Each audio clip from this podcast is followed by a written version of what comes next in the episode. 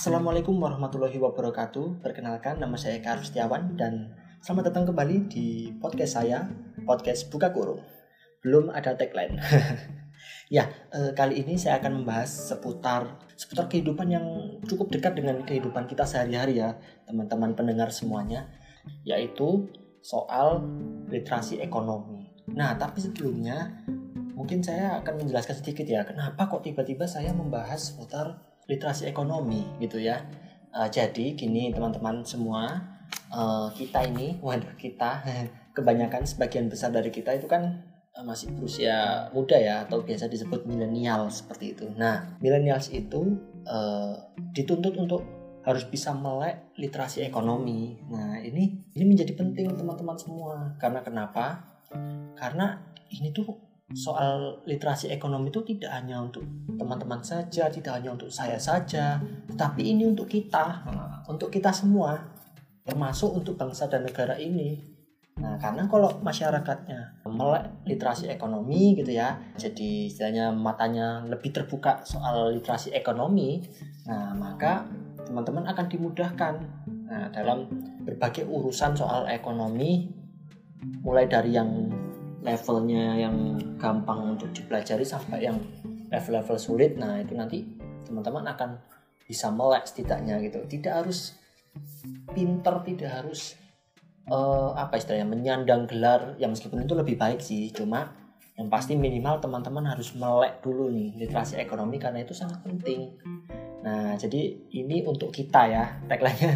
Tagline-nya untuk episode ini adalah ini untuk kita seperti itu. Nah dan teman-teman semuanya berbicara seputar uh, literasi ekonomi seperti itu, perlu saya jelaskan kenapa para milenials ini harus melek literasi ekonomi. Yang pertama adalah karena milenials ini akan menghadapi berbagai tantangan zaman yang tantangan zaman ini cukup berbeda dengan generasi sebelum kita atau bisa kita sebut generasi bapak ibu kita ya atau generasi kakek nenek kita wah itu jauh berbeda apa saja yang membedakan dan apa saja tantangannya? Ini ada beberapa tantangan yang mungkin sepertinya khas milenial banget ya. Yang pertama adalah pergeseran lapangan pekerjaan. Pergeseran lapangan pekerjaan itu uh, salah satunya adalah perpindahan istilahnya itu ketertarikan.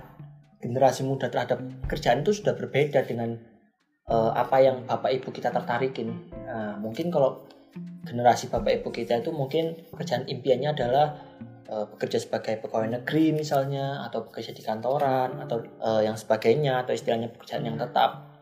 Nah, tapi kalau sekarang ini ternyata sebagian besar milenial itu ketertarikan pekerjaannya itu tidak hanya di lingkungan itu saja, tapi meluas atau bahkan sampai melebar ke bidang pekerjaan yang mungkin bisa dibilang bidang pekerjaan baru ya yang mungkin di zaman bapak ibu kita belum ada. Contohnya apa? Misalnya freelancer, youtuber, ya freelancer itu juga uh, luas ya.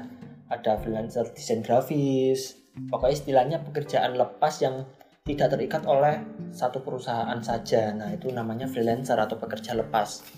Lalu youtuber, lalu pekerjaan-pekerjaan yang tidak terikat dengan perusahaan seperti itu. Nah, ini menjadi tantangan sendiri bagi milenial karena kenapa? Karena kalau milenial tidak melek ekonomi, tidak melek literasi ekonomi, akibat dari pergeseran pekerjaan ini, teman-teman semua, para milenials ini yang mungkin bekerja lepas itu akan kesulitan dalam mengelola keuangan, ya kan? Sekarang deh saya kasih contoh misalnya bekerja sebagai pegawai negeri misalnya. Orang-orang yang bekerja sebagai pegawai negeri mungkin ada beberapa dana yang itu sudah dikelola oleh pihak perusahaan. Atau bukan pegawai negeri ya tidak hanya pegawai negeri tapi pegawai kantoran misalnya. Nah itu ada beberapa dana yang diolah oleh perusahaan. Misalnya dana pensiun dana hari tua atau yang terbaru mungkin uh, yang baru saja diluncurkan oleh pemerintah yaitu tapera ya tabungan perumahan rakyat. Nah itu juga sebagian dana dari gaji para pegawai tiap bulan karyawan tiap bulannya itu dialokasikan untuk tabungan seperti itu. Nah itu kan bagi yang sudah ada perusahaan ya, maksudnya bekerja pada satu perusahaan, nah sehingga ada yang mengatur. Tapi bagi sebagian besar milenials yang bekerja sebagai pekerja lepas atau yang tidak terikat oleh perusahaan tertentu, nah ini menjadi sulit karena ya tidak ada yang membantu untuk mengalokasikan dana dia sehingga dia sepenuhnya mengatur dan mengelola penghasilan yang dia miliki. Lalu yang kedua, tantangan yang berikutnya adalah generasi sandwich. Nah, generasi sandwich ini juga cukup menantang ya bagi generasi millennials. Apa sih generasi sandwich itu? Jadi generasi sandwich itu adalah teman-teman semua, generasi teman-teman ini, generasi millennials itu diapit oleh generasi bapak ibu kita dan juga diapit oleh generasi uh, istri atau anak kita istilahnya saya menyebutnya bukan generasi ya tapi istilahnya lapisan jadi lapisan teman-teman yang bekerja ini itu diapit oleh lapisan atasnya yaitu lapisan orang tua kita. Yang bawahnya adalah lapisan pasangan atau anak kita. Jadi generasi sandwich ini itu cukup istilahnya ya menjadi fenomena baru ya di era millennials ini. Karena seorang pekerja seorang millennials ya seorang pemuda ini yang bekerja ini dia dituntut untuk bisa memenuhi apa yang orang tua mereka impikan, inginkan, dan juga atau yang mereka butuhkan ya atau yang orang tua butuhkan.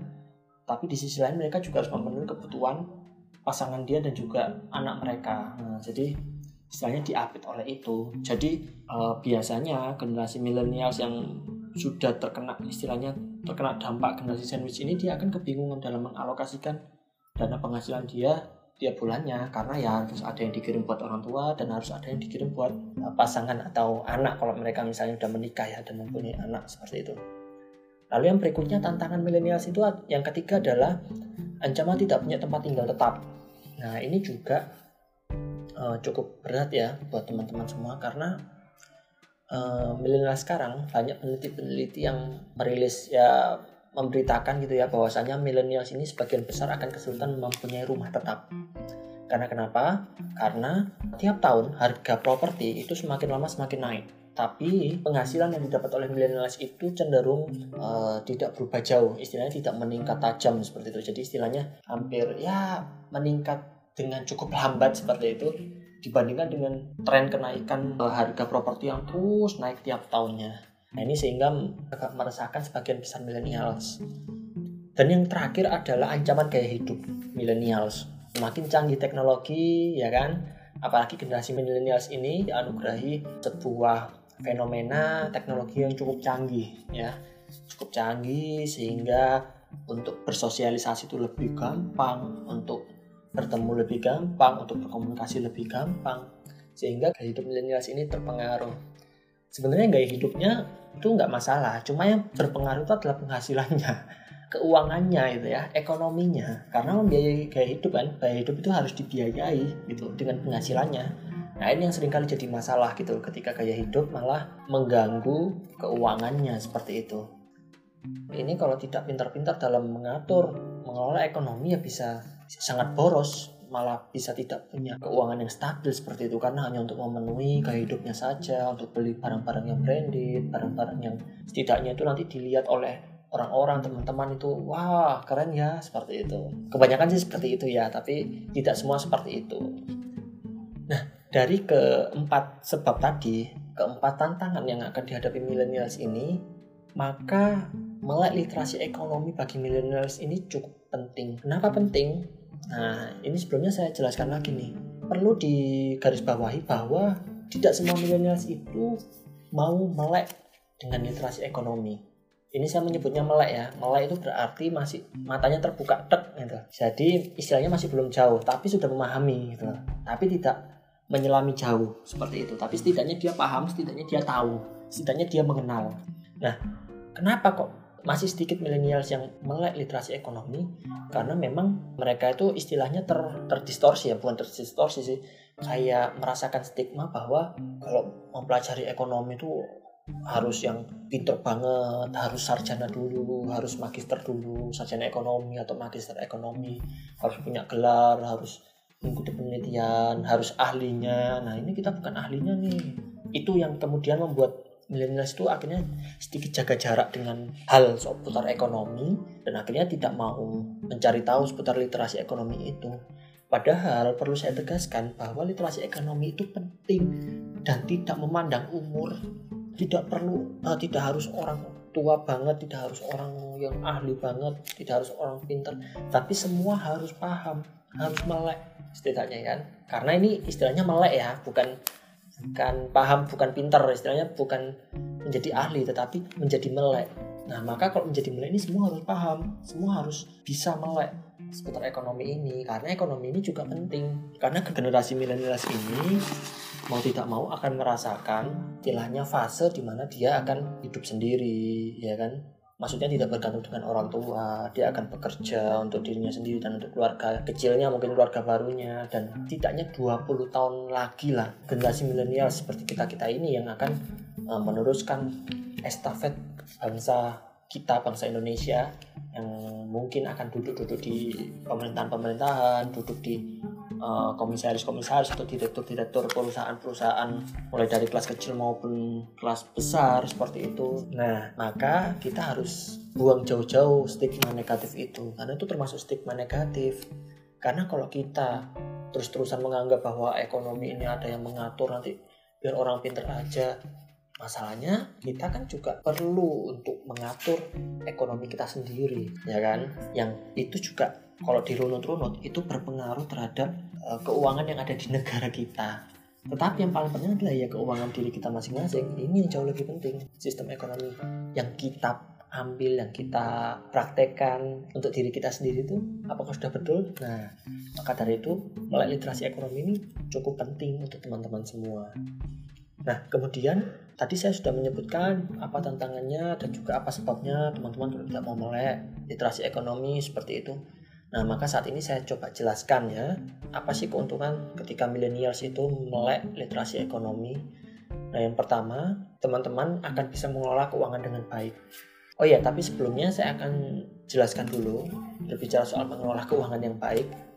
Pasti teman-teman juga berpikir, oke okay, saya ingin melek literasi ekonomi, tapi bagaimana cara memulainya? Tapi uh, saya mulainya dari mana ya?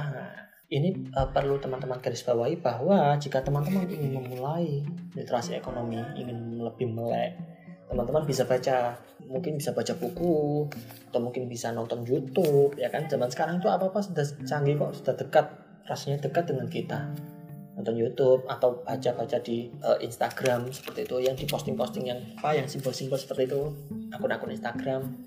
Misalnya kalau saya sih mulai paham itu di uh, beberapa akun Instagram ya. Contohnya kayak di CNBC Indonesia lalu Livepal lalu uh, ngerti saham itu kalau untuk yang saham ya. Tapi sering kali juga membahas seputar ekonomi general secara general ya dan beberapa lainnya kalau YouTube banyak ya misalnya YouTube-nya Mas Raditya Dika itu kan juga sempat membahas itu soal ekonomi lalu dan masih banyak lagi ya. Mungkin nanti teman-teman bisa cari yang mendekati itu yang tadi saya sebutkan seperti itu. Nah kita lanjutkan lagi. Apa keuntungan teman-teman bila melek literasi ekonomi? Yang pertama teman-teman akan bisa mengelola keuangan dengan baik. Karena kenapa karena ketika teman-teman sudah melek literasi ekonomi, otomatis teman-teman akan mengetahui apa saja risikonya, apa saja dampaknya bila teman-teman memutuskan suatu hal seputar ekonomi, teman-teman jadi paham soal resikonya dan teman-teman akhirnya jadi bisa lebih hati-hati dan bisa lebih teliti lagi, lebih cekatan dalam mengatur keuangan. Ini penting karena kenapa? Karena ketika teman-teman tidak mulai literasi ekonomi, maka teman-teman tidak akan belajar itu seputar resiko, seputar dampak.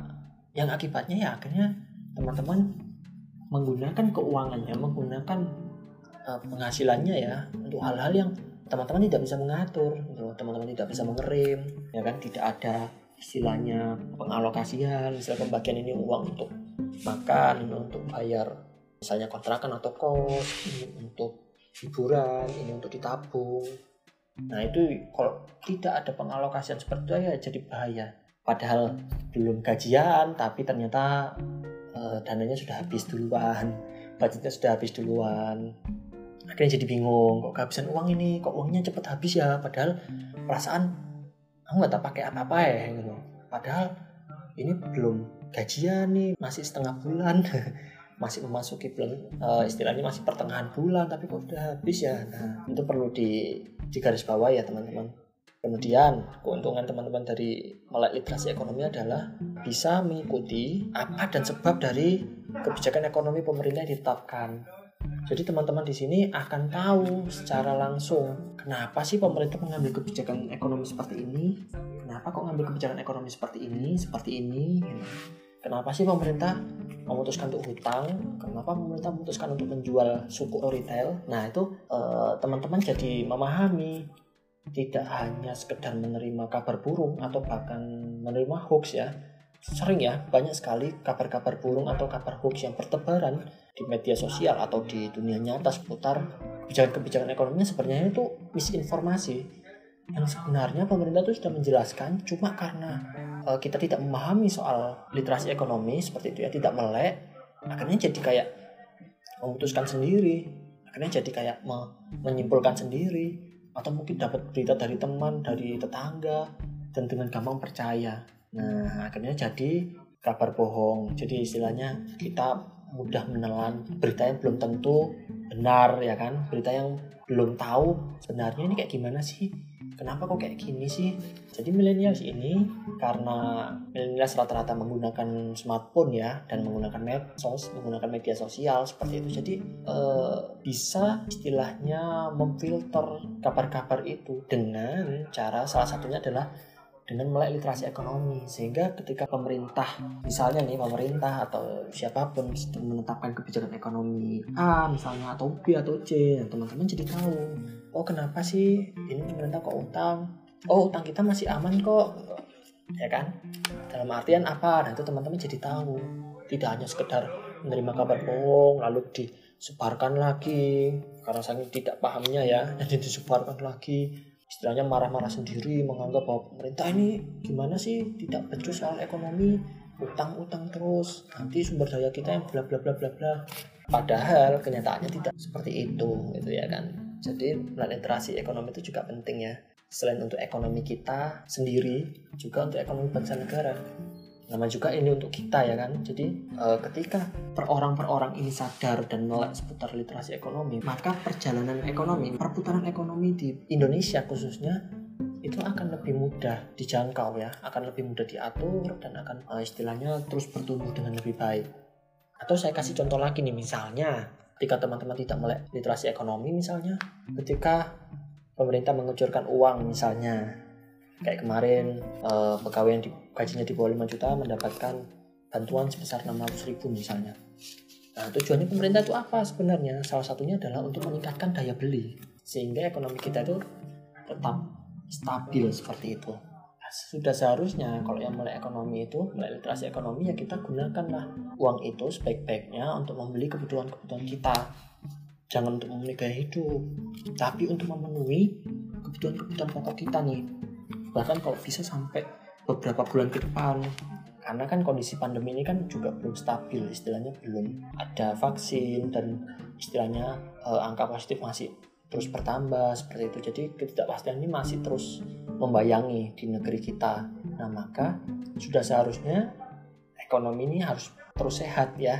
Ekonomi bangsa ini harus terus sehat dengan cara tadi salah satunya adalah memberi bantuan ya, agar ada stimulus ada pendongkrak gitu.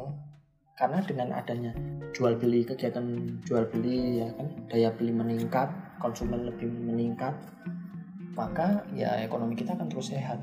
Nah selain itu tujuannya apa? Dengan kita melek literasi ekonomi teman-teman akan setidaknya meminimalisir generasi sandwich di masa depan. Karena kenapa? Karena ketika teman-teman nanti sudah bisa mengelola keuangannya sendiri, udah pasti ya kan, insya Allah teman-teman akan memikirkan masa depan. Karena persoalan literasi ekonomi ini persoalan keuangan teman-teman ini kalau yang sudah mulai literasi ekonomi pasti tidak hanya memikirkan hari ini saya menggunakan uang ini untuk apa tapi juga memikirkan nanti di masa depan seperti apa ya gitu. uang ini untuk uang ini akan saya pergunakan apa ya di masa depan. Nah jadi sudah ada bayangan seperti itu. Sehingga nanti ketika teman-teman sudah waktunya untuk tua misalnya dan masuk ke masa pensiun misalnya dan untuk sudah menikmati hari tua dan itu tidak pusing lagi. Karena sudah mempunyai simpanan sudah mempunyai aset yang terus bertumbuh sudah mempunyai ladang investasi sehingga nanti teman-teman nggak akan bingung ketika hari tua nanti istilahnya tetap tentram ya tetap makmur. Karena penghasilannya sudah menuai hasil dari teman-teman bisa mengelola keuangan. Dan itu bentuknya macam-macam ya bisa dengan menabung misalnya atau misalnya di uh, investasikan bisa lewat saham, reksadana atau beli emas batangan misalnya terus disimpan untuk hari tua atau mungkin dibisniskan misalnya atau diinvestasikan ke dalam bentuk lain misalnya properti teman-teman bikin kontrakan atau bikin kos. Nah itu kan nanti bisa terus nambah itu penghasilannya yang aset yang bisa teman-teman manfaatkan di masa depan. Gitu. ngomong-ngomong soal aset aset adalah eh, penghasilan yang eh, teman-teman itu tidak lakukan secara fisik ini kalau bahasa saya ya aset itu adalah penghasilan yang teman-teman dapatkan yang teman-teman itu tidak bekerja secara fisik itu jadi istilahnya teman-teman tidur itu tetap dapat duit. Ya contohnya seperti tadi investasi misalnya bisnis properti atau saham atau jual beli emas batangan misalnya dan lain-lain sebagainya seperti itu. Nah dan juga terakhir yang membuat keuntungan dari teman-teman melek literasi ekonomi adalah teman-teman jadi akan ikut serta dalam investasi karena salah satu poin dari meleknya literasi ekonomi adalah dengan cara kita investasi. Nah ini nih yang kadang milenial itu belum banyak paham seputar investasi. Karena jangan sampai kita hanya memikirkan hari ini saja tapi kita juga harus memikirkan masa depan kita akan seperti apa. Dan itu tentu akan membutuhkan biaya yang kita tidak tahu juga ya kan? Misalnya untuk pensiun untuk hari tua untuk berkeluarga misalnya Nah itu kan juga membutuhkan biaya untuk untuk menjalankan kehidupan itu. Nah maka investasi itu penting. Karena kenapa? Dengan kita mengembangkan aset, kita tidak hanya terpaku pada satu penghasilan. Nah, tapi kita juga punya penghasilan lain yang suatu saat kita dapat petik itu dengan cukup baik ya. Dan maka dari itu investasi ini berbarengan dengan um, literasi ekonomi karena itu yang banyak disarankan oleh pegiat-pegiat literasi ekonomi gitu loh salah satu yang membuat pemasukan kita, keuangan kita sehat adalah dengan kita mengalokasikan sebagian dana kita atau penghasilan kita untuk investasi. Bisa itu ditabung atau mungkin bisa di saham ya, di saham dalam negeri atau reksadana atau misalnya kita bisa beli investasi emas batangan misalnya. Atau tadi kita investasi properti ya kan? Kita beli rumah kemudian rumah itu kita manfaatkan misalnya dikontrakkan atau misalnya kita beli tanah langsung kita bangun kos-kosan kemudian kita kos-kos sekian ya kan? Kita kos-kosan ke orang-orang yang membutuhkan kos-kosan misalnya. Nah itu nanti akan benefitnya istilahnya keuntungannya itu akan berjalan terus. Akan stabil akan kita akan mendapatkan penghasilan dari situ terus. Karena ya itulah yang dinamakan aset. Jadi ketika ada suatu hal suatu waktu yang datang kepada kita misalnya kena PHK atau misalnya ingin resign dan ingin pensiun dini misalnya. Nah itu sudah ada pegangan. Dan juga ketika nanti hari tua atau pas pensiun teman-teman juga tidak akan khawatir tar keuangan ya kan? Dan tidak akan menyusahkan generasi setelah kita ya kan? Tidak akan membuat anak-anak kita bingung atau sebagainya dan lagi pula ketika kita melihat literasi ekonomi, maka otomatis anak-anak kita juga harusnya ikut lebih paham itu, ikut paham dalam literasi ekonomi ini sehingga menciptakan iklim ekonomi yang sehat ya kan, di kalangan masyarakat dan mungkin ini akan membantu negara kita ya, dalam menumbuhkan iklim ekonomi ini menjadi baik, nah, menumbuhkan ekonomi terus bertumbuh hingga menjadi sangat-sangat baik. Ya, seperti itu penjelasan singkat dari saya.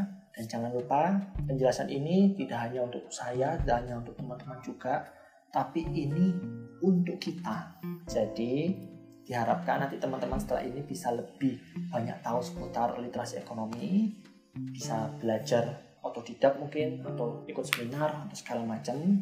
Mungkin penjelasan dari saya ini belum seberapa lengkap, tapi nanti diharapkan ya teman-teman bisa mencari tahu sendiri di luar yang mungkin sudah dijelaskan ya. Termasuk soal investasi soal aset ya kan? Bahwa aset itu dibagi menjadi dua dan segala macam dan juga praktik menabung dan seputar inflasi. Nah itu nanti akan teman-teman temui ketika teman-teman mendalami seputar literasi ekonomi. Dan kesimpulannya adalah teman-teman tidak harus menjadi pintar teman-teman tidak harus menjadi ahli. Yang penting teman-teman harus melek melek literasi ekonomi. Itu cukup penting.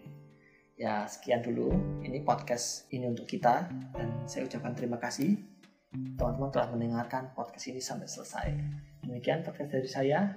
Terima kasih. Assalamualaikum warahmatullahi wabarakatuh